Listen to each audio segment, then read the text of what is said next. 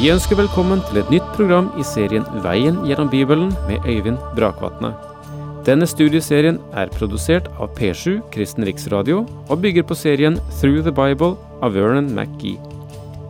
I dag fortsetter vi med gjennomgangen av Tredje Mosebok.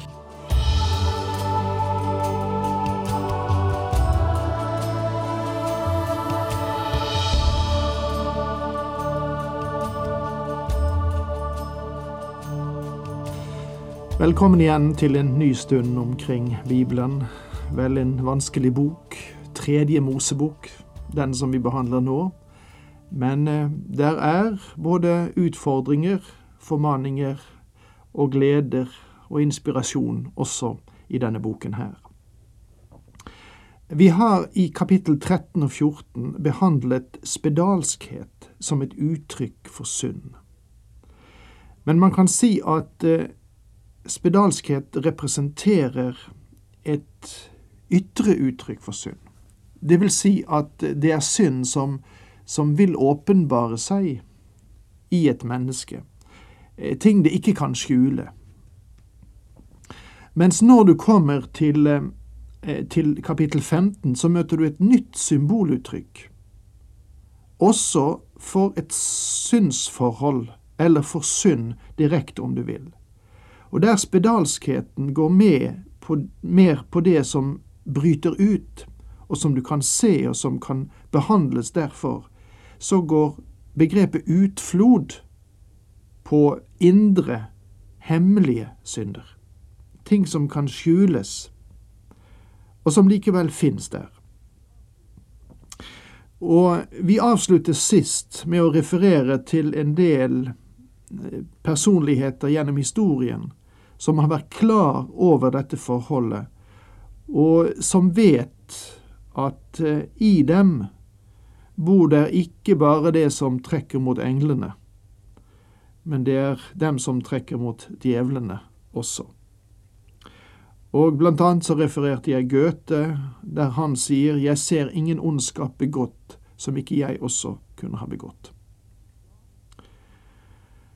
Ja, vi står i denne situasjonen. Og det er disse si, indre forholdene, denne skjulte side, som dette kapittel 15 eh, sier noe om, uttrykt gjennom begrepet utflod. Syndens forbannelse har, har influert på menneskets kraft til fremskritt. Selve kilden for menneskeslekten er forurenset. Mange av disse utfloder i gåsøyne har forbindelse med slektens forplantningsorganer. For det meste er det sosiale skavanker. Der er en snuskethet og ekkelhet forbundet med seksuelle synder som er avskyvekkende.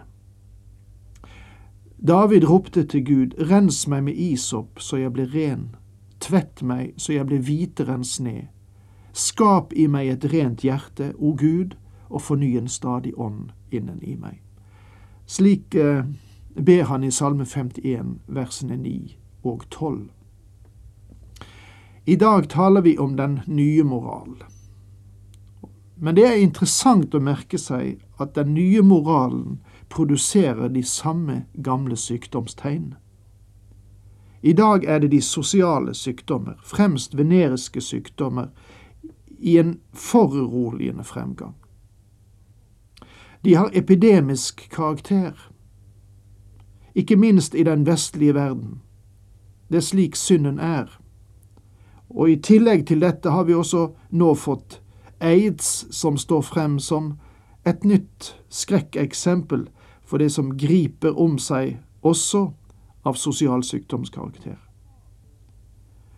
Og den frarøver et menneske frelsesgleden, hvis vi nå går tilbake igjen til det som i overført betydning er, berører den åndelige side. Det synes kanskje underlig at Gud ville si så mye om et så anstøtelig emne. Men han gir mennesket et omfattende bilde av syndens syndighet. Vi får et særskilt bilde av det i dette kapitlet. Og vi trenger å minnes Paulus' ord i Romerne 15 vers 4. Og alt som før er skrevet, er skrevet for at vi skal lære av det, Vi skal ha håp gjennom det tålmod og den trøst som Skriftene gir. Tar vi en rask oversikt over dette kapittelet, altså kapittel 13, om forlatelse 15 i Tredje Mosebok, så omhandler det renselse ved utflod. Første delen går på utflod hos mannen, versene 1 til 18. Deretter følger avsnittet om utflod hos kvinnen, versene 19 til 30. Og derefter de avsluttende versene 31 til 33 går på det avskyelige ved og forordninger angående utflod. Først til utflod hos menn. Herren talte til Moses og Aron og sa. Ja, vi begynner altså med det første verset, tredje Mosebok, kapittel 15. Her ser vi at Gud henvendte seg både til Moses og Aron. I kapittel 14, der loven om renselse for hudsykdom ble vurdert, så henvendte Gud seg bare til lovgiveren Moses. Aron som overprest er et profetisk bilde av vår store ypperste prest. Bare den Herre Jesus kan gi trøst og forståelse til den som er i vanskeligheter, så vel som å gi barmhjertighet og nåde.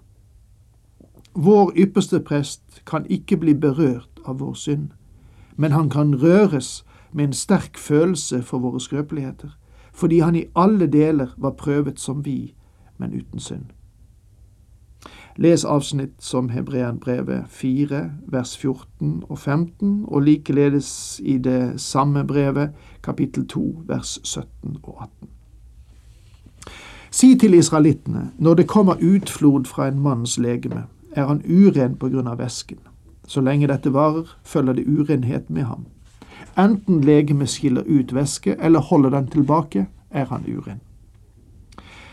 Dette sterke språket åpenbarer hvor avskyelig, uren, anstøtelig og korrupt menneskenaturen er. Syndens puss strømmer fra menneskehjertet. Vi kan finne det igjen rundt oss så vel som i oss.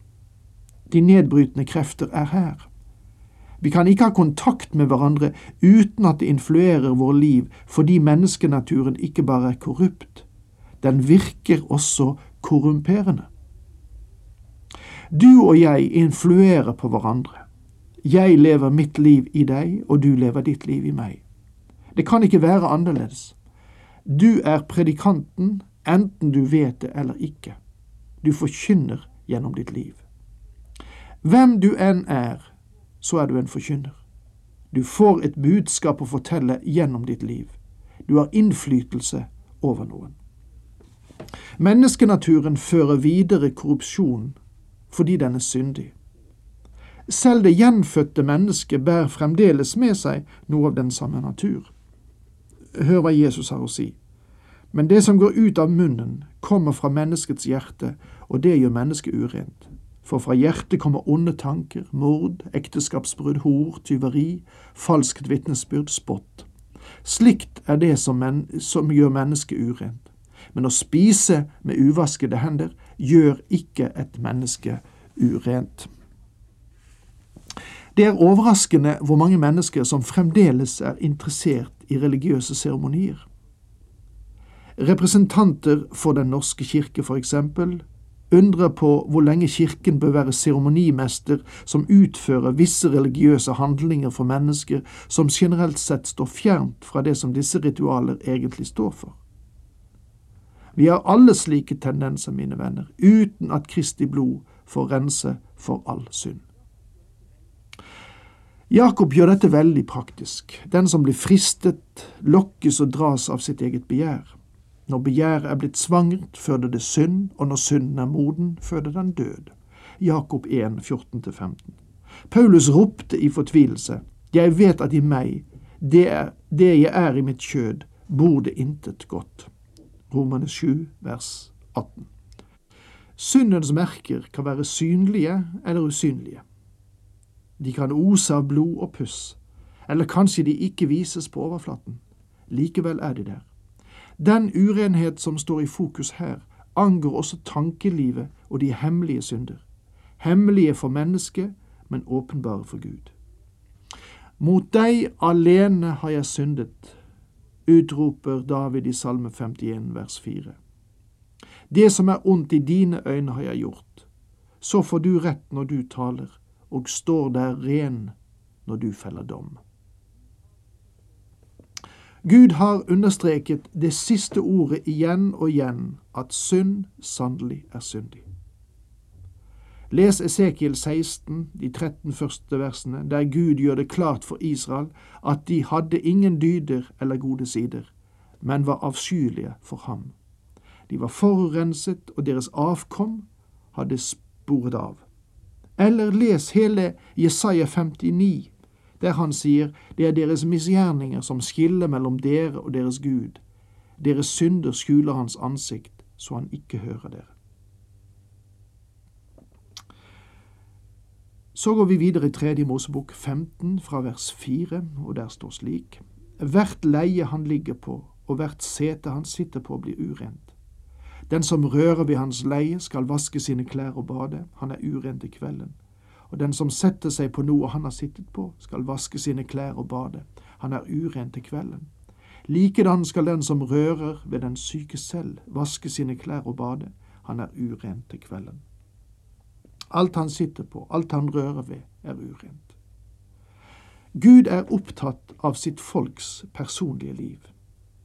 Han står opp og griper inn i minste områder i livet. Han våker over dem til og med når de sover. En mann med utflod forurenset sengen han sov i, og selv hans drømmer var urene. Mange mennesker har søvnløse netter der de ikke teller sauer, men gjenopplever sine synder med lastefulle utskeielser. Gud er interessert i hva vi tenker når vi ligger. Han ønsker å lede vårt tankeliv.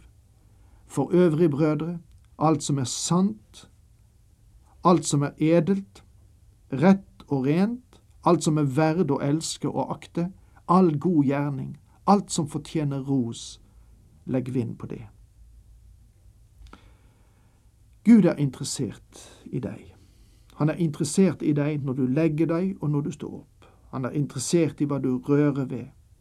Når vi sitter på en stol og fører en samtale, så er Gud interessert i vår samtale. Sprer vi en forurensende virus? Gud er også interessert i vår handel og vandel og i våre sosiale kontakter. Det rene i fysisk kontakt med det urene sprer alltid sykdommen til det rene. Vi kan ikke være sammen med andre eller gå nedover gata uten å merke den atmosfære som er rundt oss, eller selv avgi inntrykk til det sosiale miljøet. Språket vi hører, bildene vi ser. Vi trekkes med av annonser og propaganda. Vi smusses til. Vi må være våkne for det å bekjenne vår synd og bli renset for Gud. Vi har alle noe av denne spedalskhet disse verkebyllene, disse skjulte syndene. Hvis den som har utflod, spytter på en som er ren, skal den som har spyttet på, vaske sine klær og bade, han er uren, til kvelden. Hver ridesal som den syke sitter på, blir uren. Den som rører ved noe av det han har under seg, er uren til kvelden, og den som bærer det bort, skal vaske sine klær og bade, han er uren til kvelden. Rører den syke ved noen uten at han først har skyllet hendene i vann, skal den han har tatt på, vaske sine klær og bade. Han er uren til kvelden. Rører den syke ved et leirkar, skal det knuses. Er det trekar, skal det skylles i vann. Dette er nå på et slikt praktisk plan at vi nesten kjenner vemmelse. Men det sier noe om alvoret av synd ved kontakt. De tidligere forordningene gikk på forholdene hjemme, og nå utvides det til kontakt på gater og offentlige steder. Noe av dette kan vi kalle tilfeldig kontakt. Og der må vi sette strek for i dag, og jeg sier takk for nå, Herren med deg.